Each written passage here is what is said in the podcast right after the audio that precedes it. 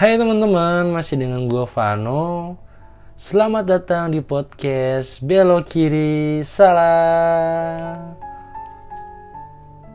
Ya, udah episode ketiga nih, lagi sebenarnya lagi banyak-banyak banget nih. Eh, apa ya? Kayak beberapa topik yang pengen gue bahas gitu.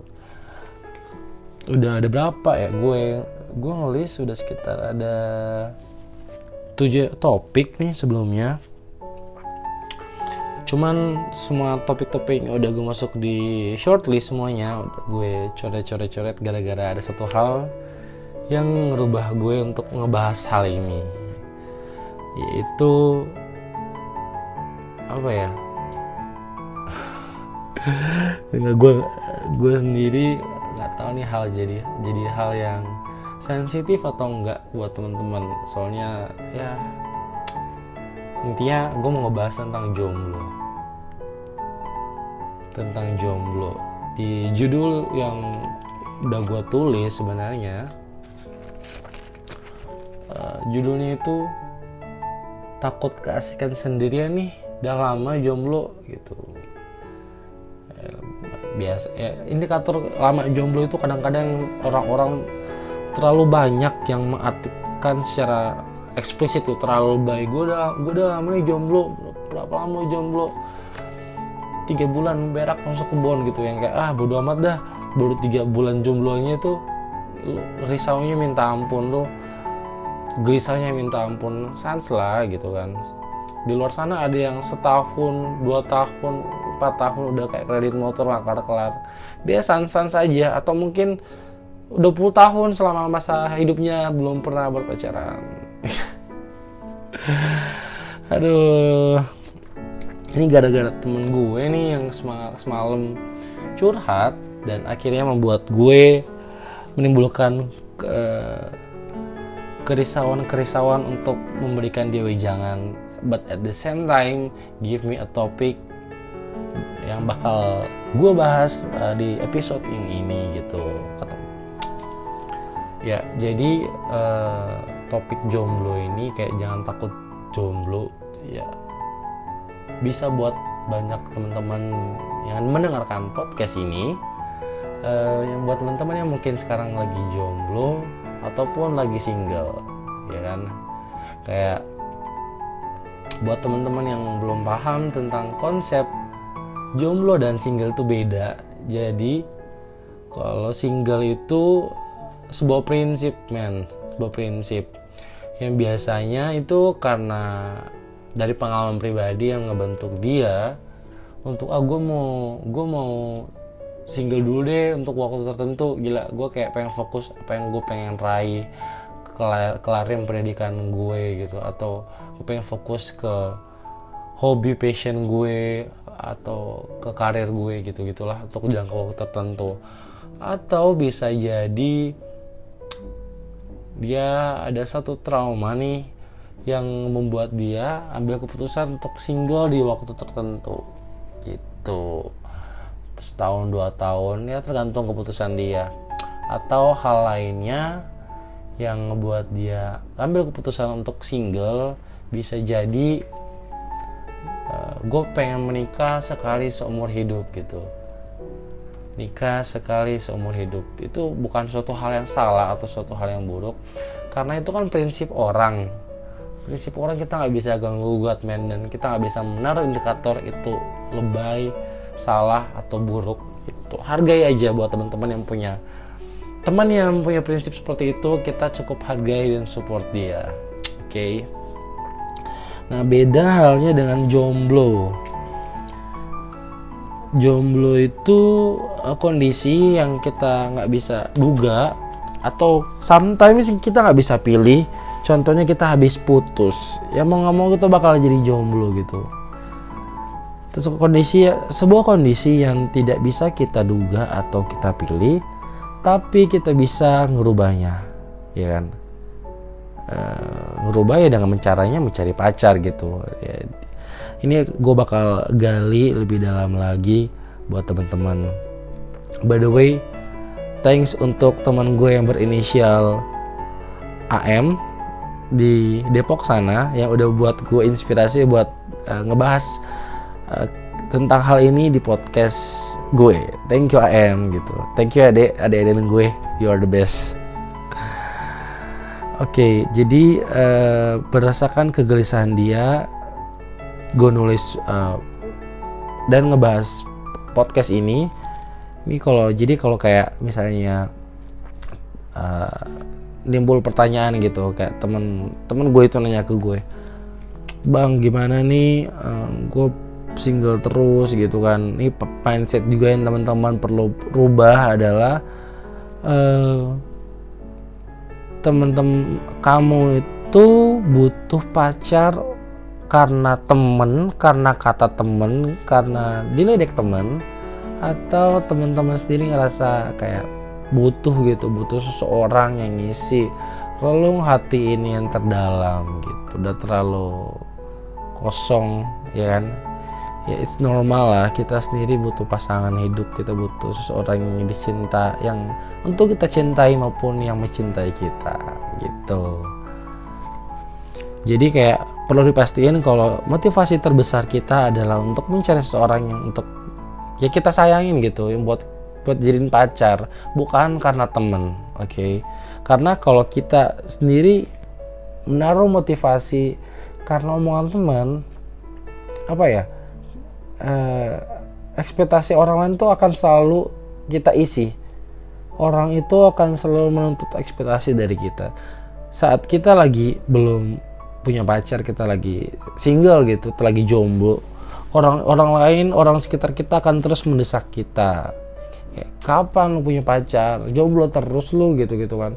Hati-hati lu kelamaan lu kasihkan sendiri lu tuh. Kalau kutipan the real kutipan adik-adikan gue ke gue gitu. Bang gue diomongin gini sama temen-temen gue it's okay loh it's okay banget. Nyantai lah jangan terlalu mikirin apa omongan orang gitu. Kita ngejalanin kita yang tahu kok hidup kita gimana.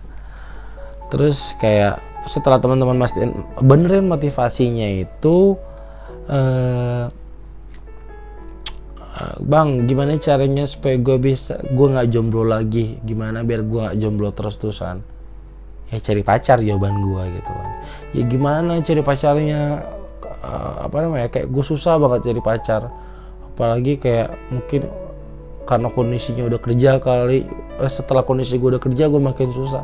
Ya bukan makin susah sebenarnya kayak ya lingkungan kita sebenarnya tanpa kita sadari itu kayak inner cycle kita tuh makin mengecil cuy. Inner inner cycle kita mengecil karena teman-teman kita ya teman-teman yang di lingkungan kantor yang kita sering temuin atau kita bakal sering quality time sama teman-teman kantor dan hanya teman-teman tertentu aja yang bakal sering kita temuin gitu. Dengan bertambahnya tahun kita bakal ada di posisi seperti itu. Uh, setelah teman-teman udah ngubah mindset nih uh, gimana sih teman-teman buat bisa punya pacar atau nggak jomblo lagi? Ada tiga poin yang bakal gue share ke teman-teman.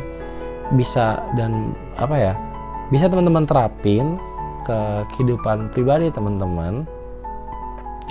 Tapi nggak nggak harus jadi tolong ukur ya karena ini kan kayak hasil observasi gue pribadi gitu observasi gue pribadi.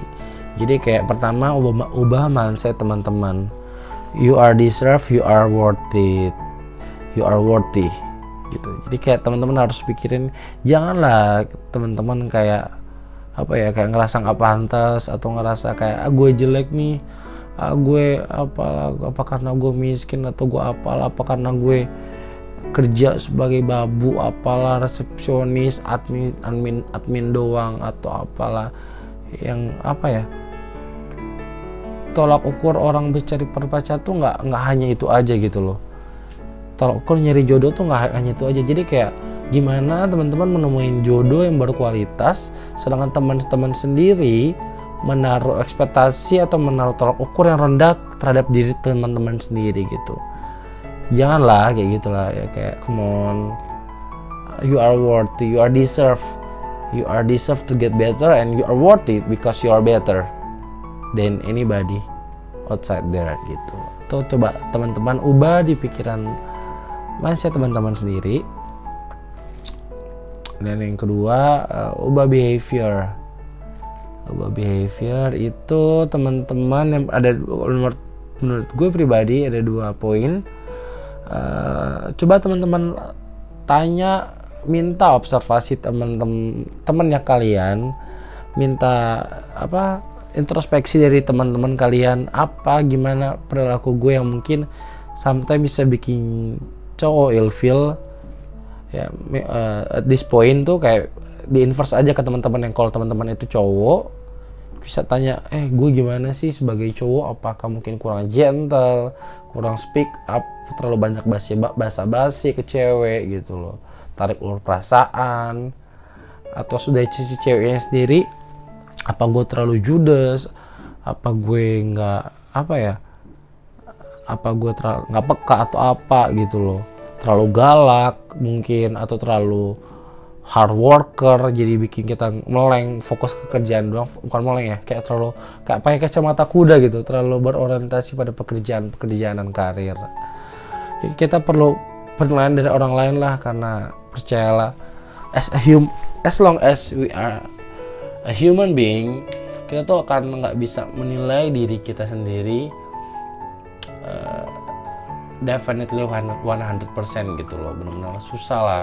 Apalagi kita yang pasti akan hanya menilai nilai-nilai positif di dalam diri kita dan agak sulit untuk mencari tahu hal-hal negatif yang ada dalam diri kita uh, jadi setelahnya teman-teman nanya ke teman ke teman kalian yang kalian percaya yang bisa kasih masukan terhadap behavior kita ya teman-teman observasi diri teman-teman sendiri gitu. Kalau teman-teman ngerasa butuh untuk dipetakan ditulis teman-teman tulis apa yang menjadi kelebihan dan kekurangan teman-teman dalam berperilaku gitu. Kayak misalnya ya sebenarnya sih at this point gue lebih harap teman-teman tuh kayak memfokuskan atau memperbanyak nilai-nilai positifnya kayak kelebihannya gitu. Kayak kalau kamu juga kamu itu cewek kayak apa ya kelebihan gue ketimbang cewek-cewek lain misalnya kayak gue lebih gampang ngebelin sama cowok-cowok atau gue lebih memperhatikan penampilan dan lebih anggun mungkin loh atau gue bisa masak gue beda sama cewek-cewek GoFood di luar sana. Cewek-cewek yang berteriak GoFood adalah penolong kami gitu. Tuh biasa gue pun sendiri ideal gue masih sangat mengandalkan GoFood. Wish list gue itu untuk yang bisa jadi pasangan hidup gue nanti gue pengen dia bisa bisa masak cuy. Gue pengen banget dia bisa masak dan gue bisa request apa aja yang gue pengen makan gitu ya uh, ya kalian petain aja apa yang menjadi kelebihan kalian dan kekurangan kalian dan kalian catat dan kalian baca untuk observasi ke diri kalian sendiri. Uh, hal lainnya dari ubah behavior gitu. Coba teman-teman temuin ini di tulisan gue apa ya kayak finding find something new gitu mungkin teman-teman terlalu biasa aja dalam artian kayak ya udah gue ngantor pulang tidur ngantor pulang tidur. Atau gue kuliah kuliah kerja tugas tidur kuliah kerja tugas pulang. Nggak kayak kurang mainnya kurang jauh gitu. Coba temuin sesuatu hal-hal yang baru yang menarik atau mungkin teman-teman pengen belajar sesuatu yang baru gitu kan di lingkungan yang baru jangan takut untuk memulai sesuatu yang baru seberapa jauh pun usia kalian gitu kan. Temukan lingkungan yang baru yang mungkin itu bisa menjadi karakter atau penghubung komunikasi karena memiliki hobi yang sama gitu loh.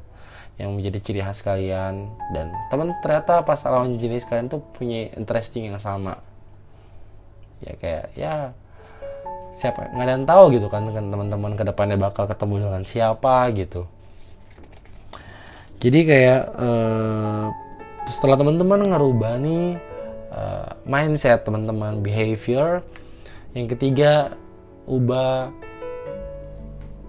look kalian yang menurut kalian kurang atau kayak ke teman-teman cewek ngerasa kayak gue terlalu cuek mungkin terhadap penampilan. Atau gue kayak kurang ya ya gue gue cuman ya lisan doang udah gitu. Come gitu kan. Gue jarang gue menemukan beberapa temen gue cewek cantik tapi jarang mandi coy. Sumpah deh. Gue kayak either lu wangi either lu cantik lu alisan apa apa extension extension itu di bulu, bulu mata lo udah selangit nyentuh alis. Kalau saat cowok tahu lo nggak jarang mandi atau nggak mandi ke kantor atau ke kampus drop drop banget cuy. Kayak aduh come on gitu kan hal kayak itu aja. Lo lo cuek apa diri lo sendiri gimana lo mau pengen ketemu orang lain yang cowok itu mungkin bakal mikir gitu kan. Kalau dia berdiri aja sendiri cuek gimana sama gue sendiri sama pasangannya gitu. Nah ini juga berlaku buat cowok-cowok gitu kan. Saat kalian udah beranjak dewasa percayalah konsep bad boy yang jadi primadona cewek-cewek di perkuliahan atau di zaman teman-teman sekolah itu udah nggak berlaku lagi. Lu berantakan lu jarang mandi lu gondrong lu bau. Itu cewek-cewek males cuy sumpah deh. Jadi ubah penampilan teman-teman karena at this point itu kayak first impression sangat penting. First impression kita ketemu dengan orang baru lawan jenis maupun uh, tidak ketemu dengan uh, orang yang bakal interview kita, ketemu dengan teman kantor, rekan kerja, partner kerja, yang ada kemungkinan yang mungkin bisa jadi uh, calon gebetan kita di ke depan hari nanti yang akan di, yang akan dinilai itu first impression. Tiga detik pertama yang kita lihat, yang kita rasakan itu adalah penampilan, gitu loh. Tanpa kita bisa tahu seberapa baik dia, sebagaimana karakter dia, yang kita akan lihat pertama itu penampilan. Jadi kayak come on, buat cowok jangan malas-malas lah ngurus diri. Walaupun nggak harus membuat lu jadi lenje yang sampai pakai skincare atau apalah nggak lah nggak selba itu cuy minimal lo kayak yang wangi dan rapi lah gitu enak dilihat. Dan cewek-cewek juga gitu loh jangan malas mandi lah kemon gue masih menemukan beberapa cewek-cewek yang cantik tapi jarang mandi. Malas mandi lebih tepatnya. Gitu. Jadi kayak penampilan diubah terus apa ya? Setelah teman-teman udah ngerasa ngubah tiga hal tiga poin yang tadi uh, saatnya teman-teman mencari jodoh. Temukan jodoh Anda. Berasa take me out gue nih. Ya, jadi cara mencari jodoh terbaik adalah dengan tidak nyari-nyari jodoh banget. Agak aneh sih untuk dipikirin, tapi kayak buat gue itu kayak apa ya? santai aja gitu nyari nyari jodoh nyari gebetan nyari pacar tuh santai aja jangan terlalu bener-bener dijadikan beban hidup sampai kayak kita mengasihani diri sendiri. Oh gue pusing nih gila. Gue udah dandan gue udah rapi gue udah wangi gue udah keren gue udah pinter.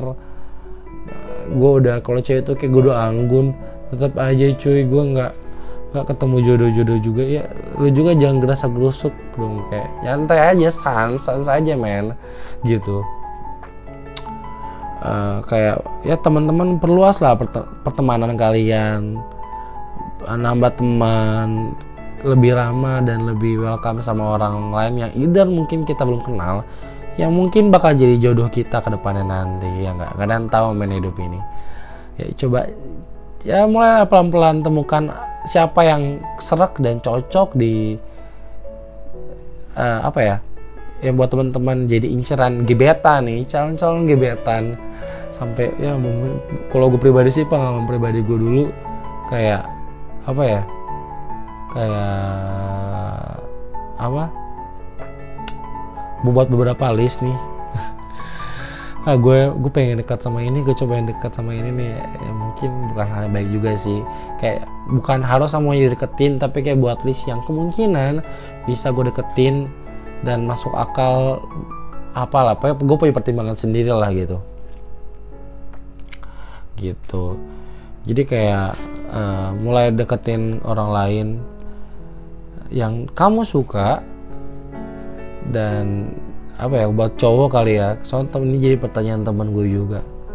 Bang kalau gue agresif emang cowok nggak risih? Jawabannya gini kita kan makin bertambah umur. Banyak hal dalam diri kita yang mulai kita bisa kontrol gitu. Nggak nggak sealai nggak senorak zaman sekolah dulu. Jadi teman-teman tuh kayak jangan takut.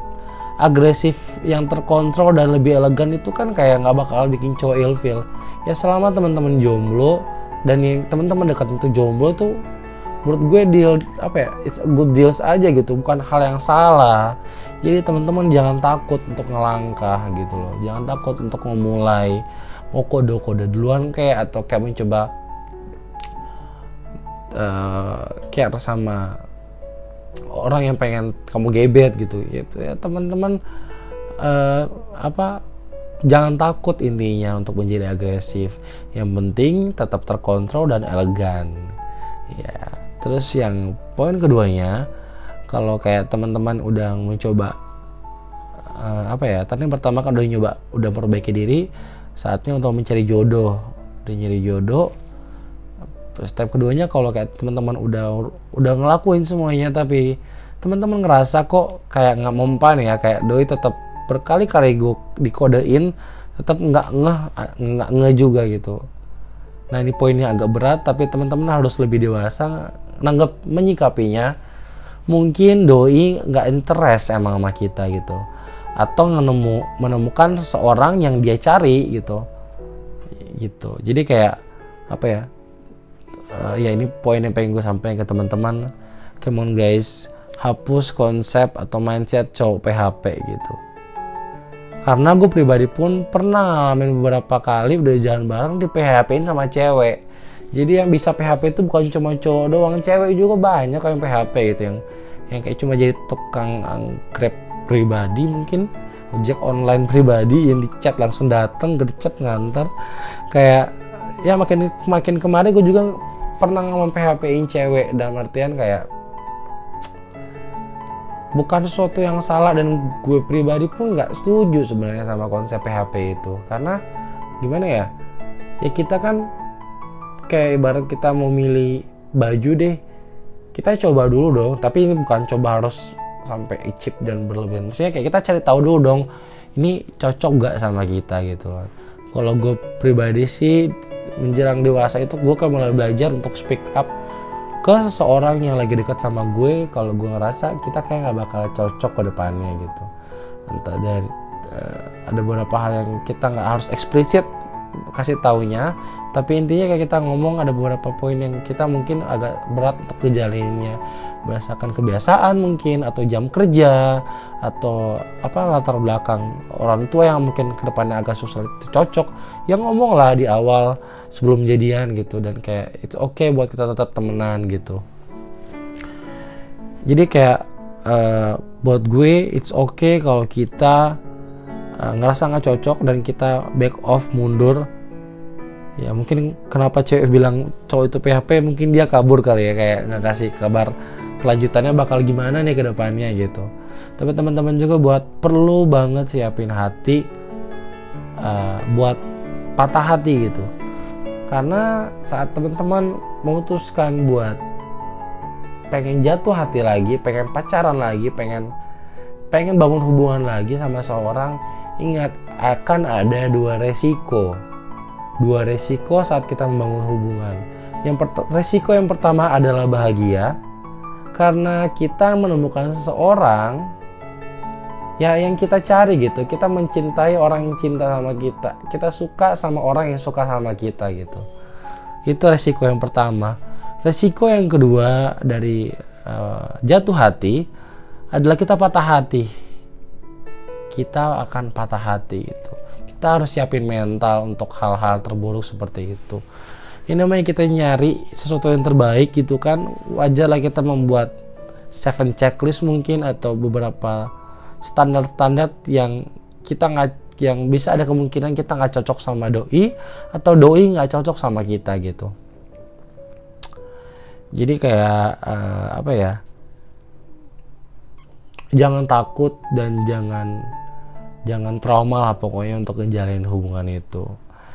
Nah untuk poin berikutnya kalau doi kayak kan teman-teman udah ngelakuin sama poin yang gue sebutin tadi dari awal menit pertama itu udah ngelakuin semuanya tapi kayak kok gue belum nemu ini uh, apa ya kayak uh, jodoh gue PDKT gue yang bisa pasti-pasti aja gitu. Capek cuy gue nyari kok gak ketemu-ketemu gitu kan. Kayak mungkin teman-teman perlu buka hati lebih lebar lagi gitu. Yang mungkin uh, jodoh kita atau jodoh teman-teman itu ada di sekitar teman-teman. Cuman kayak kitanya sendiri uh, agak kurang peka. Jadi kayak nggak ada salahnya buat kita lihat siapa teman-teman di sekitar kita.